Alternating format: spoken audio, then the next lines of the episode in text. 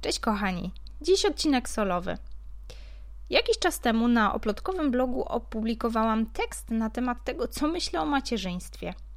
Tekst odbił się dosyć szerokim echem, no bo jednak dosyć kontrowersyjną mam opinię na temat tego, jak dzieci pomagają czy przeszkadzają w naszej pracy, w naszym rozwoju, w, nas, w naszym biznesie. No cóż, artykuł był kontrowersyjny, ale jakiś czas temu Myślałam, że już troszeczkę ucichło, ale jakiś czas temu temat wrócił. Stwierdziłam, że podzielę się z Wami swoją opinią tutaj, na, na łamach naszego podcastu. Jestem ogromnie ciekawa Waszego zdania na ten temat.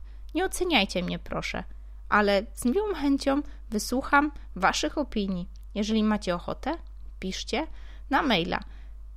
To zaczynamy. Czy zastanawiałaś się kiedyś, jaką ogromną krzywdę robisz swojej córce, swojemu dziecku, swojemu synowi, poświęcając się dla niego. No, co ja bredzę, tak? Ale pomyślmy o tym wspólnie. Dziecko to motywacja, czy może wymówka? Sama zaczęłam budować markę oplotki ponad dwa lata temu, totalnie od zera, w najgorszym możliwym momencie. Czyli czytaj z noworodkiem, który właśnie dołączył do dwa lata starszej siostry w misji utrudniania mamusi biznesowych podbojów. I tak często zastanawiam się, gdzie byłabym ja i oplotki, gdybym nie poświęcała tyle czasu i uwagi pieluchom, drzemkom, obiadom, wiecie, rozwojowym zabawkom, basenom, umuzykalnianiu, spotkaniom na placu zabaw, no i wszystkim tym pogadankom dla mam. W pewnym momencie powiedziałam stop. No i co? Wyrodna matka? No nie, realistka. Codziennie dokonywałam takich samych wyborów Mogłam sączyć kawę, scrollując InstaFit i wyszukiwać najmodniejszych dzieciogadżetów sezonu. Mogłam sprzątać klejące się podłogi w niekończącej skazanej na przegraną walce o porządek przy dwójce maluchów. No ale wybrałam pracę. Cierpliwie, godziny przed komputerem, wyrywane takie pomiędzy drzemką a spokojną zabawą, wyjmowane z pomiędzy wizyt babci, takich lepszych dni męża, kiedy miał trochę więcej czasu. Zero fryzjera, zero kosmetyczki, zero ploteczek z psiapsiłkami i zero rozpraszania. Świat rodziny i świat moich osobistych celów w ciągłej walce o pozycję dominanty. No dobra, i który wygrywa? To była praca, taka cierpliwa, mądra i nieudawana. Bo kiedy masz tak mało czasu, planujesz bardzo mądrze, strategicznie lokujesz uwagę. Czas przed ekranem i z dużą, z dużą rozwagą planujesz, jakiekolwiek spotkania.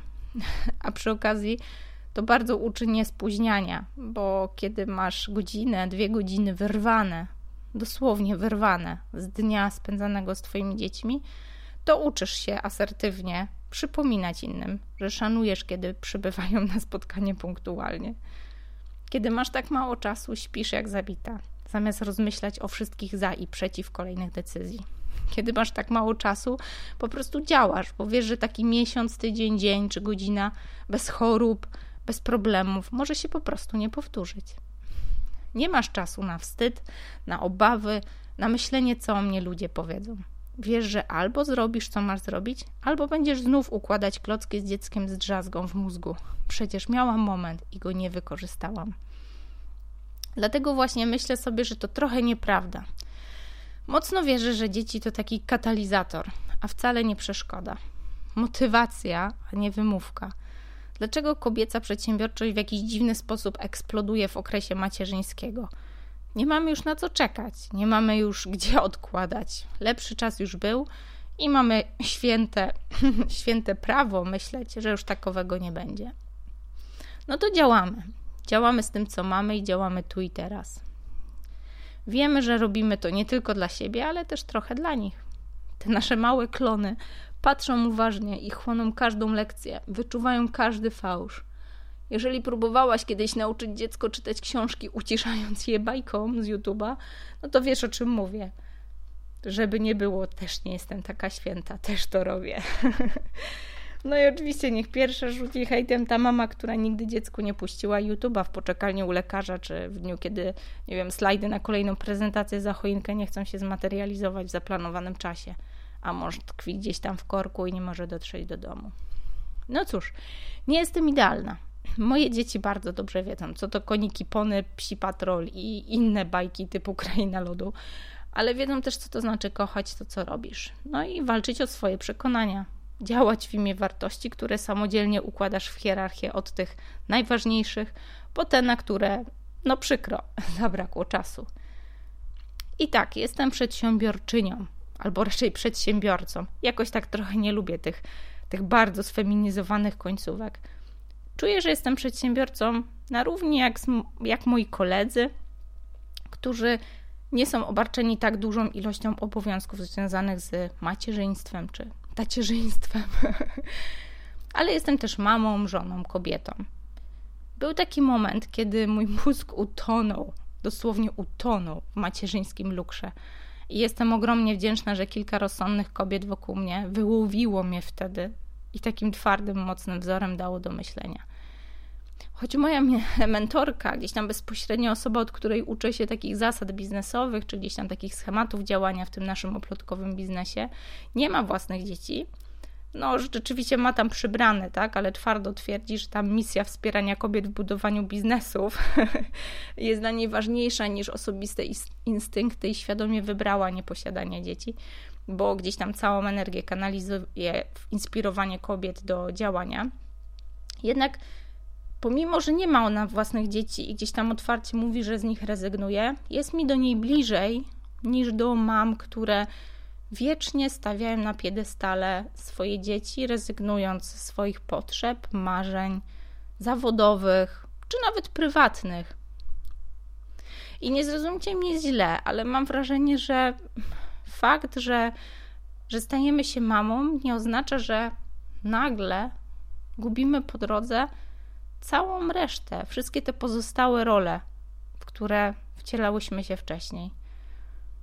Wiem, że dzieciaki dają nam w kość, ale jak często my same użalamy się nad sobą, łamiemy się pod ciężarem tego, co powiedzą inne mamy.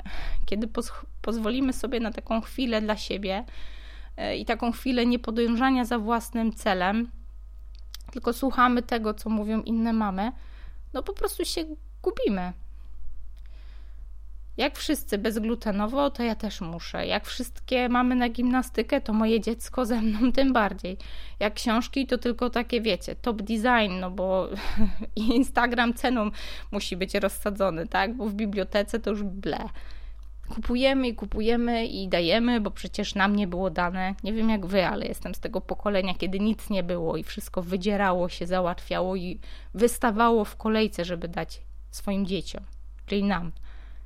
No i w tej pogoni mam wrażenie, że zapominamy o sobie.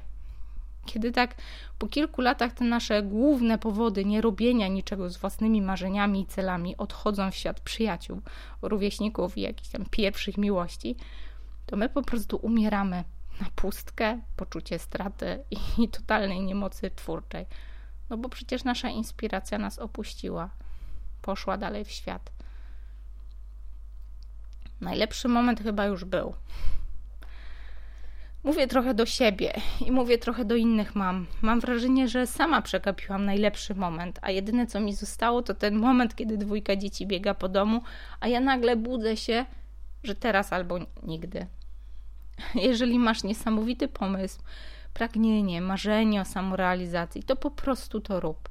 Nie traktuj dzieci jako zakładników swojego lęku. Nie pozwól im winić się za twój brak odwagi.